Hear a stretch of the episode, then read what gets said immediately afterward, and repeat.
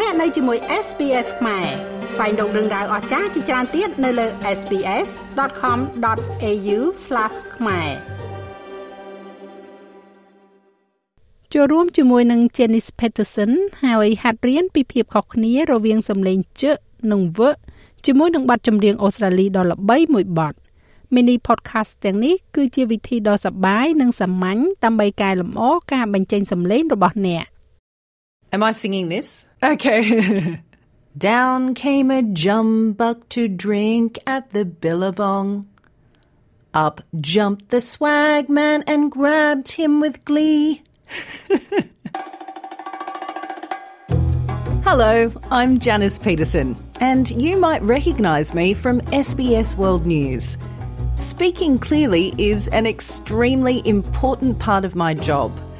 I'm going to share some exercises you can easily do, wherever you are, to improve your pronunciation.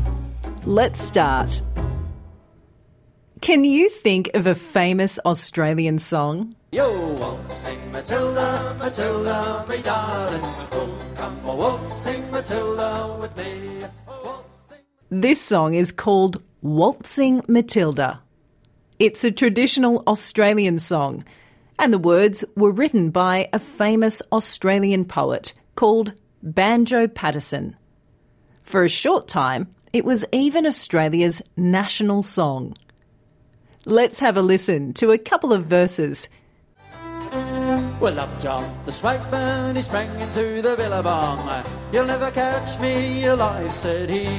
His ghost may be heard as you pass by the billabong.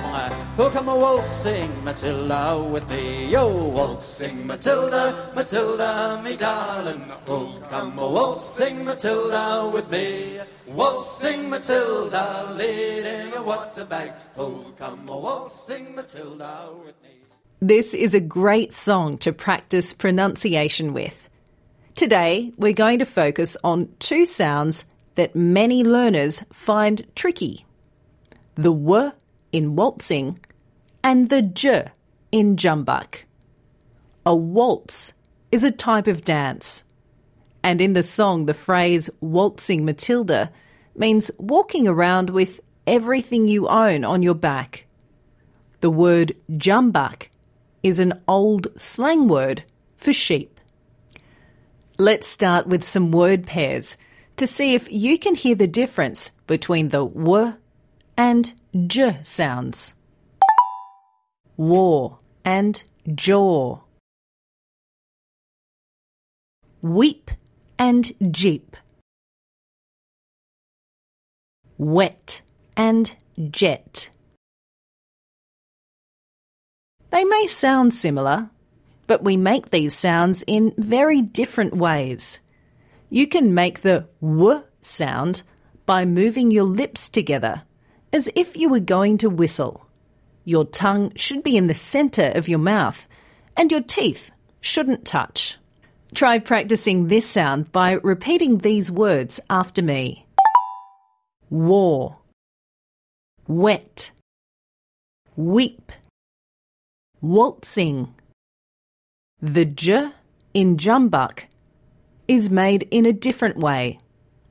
You need to move your tongue so that the front tip touches the roof of your mouth, just behind the hard ridge. Your teeth should only be slightly apart, and the corners of your lips are in but not closed. You then build up air and release your tongue to let the sound out. This sound is voiced, so you can feel the vibration in your throat. Try holding the sound for a long period to get the tongue position and the mouth shape right. J, J, J. How about we give it a try with some song lyrics? Let's start with the part of the song that talks about the jumbuck. Listen for the j sound in jumbuck, jump, and jumped. You're welcome to repeat after me. Down came a jumbuck to drink at the billabong. Up jumped the swagman and grabbed him with glee. Here's the part of the song with the w sound. Waltzing Matilda, waltzing Matilda, you'll come a waltzing Matilda with me. Let's hear how some other learners are doing. Who's with us today? Hi, Hi, Janice. I'm Alex from the Greek program. I'm Rashali from SBS Hindi. I'm MP from Punjabi program. And I'm Dinita from SBS Nepali. Let's go, guys. One, two, three. Waltzing Matilda, waltzing Matilda, you come a waltzing Matilda with me. He sang as he shoved that jumbuck in his tucker bag. You come a waltzing Matilda with me. They sounded great, didn't they? Well done You know how to pronounce the w and j sounds in this great Aussie song. You can go to sbs.com.au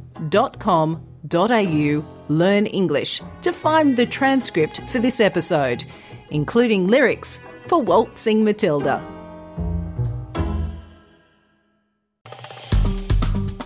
ចុច like share comment និង follow SBS ខ្មែរនៅលើ Facebook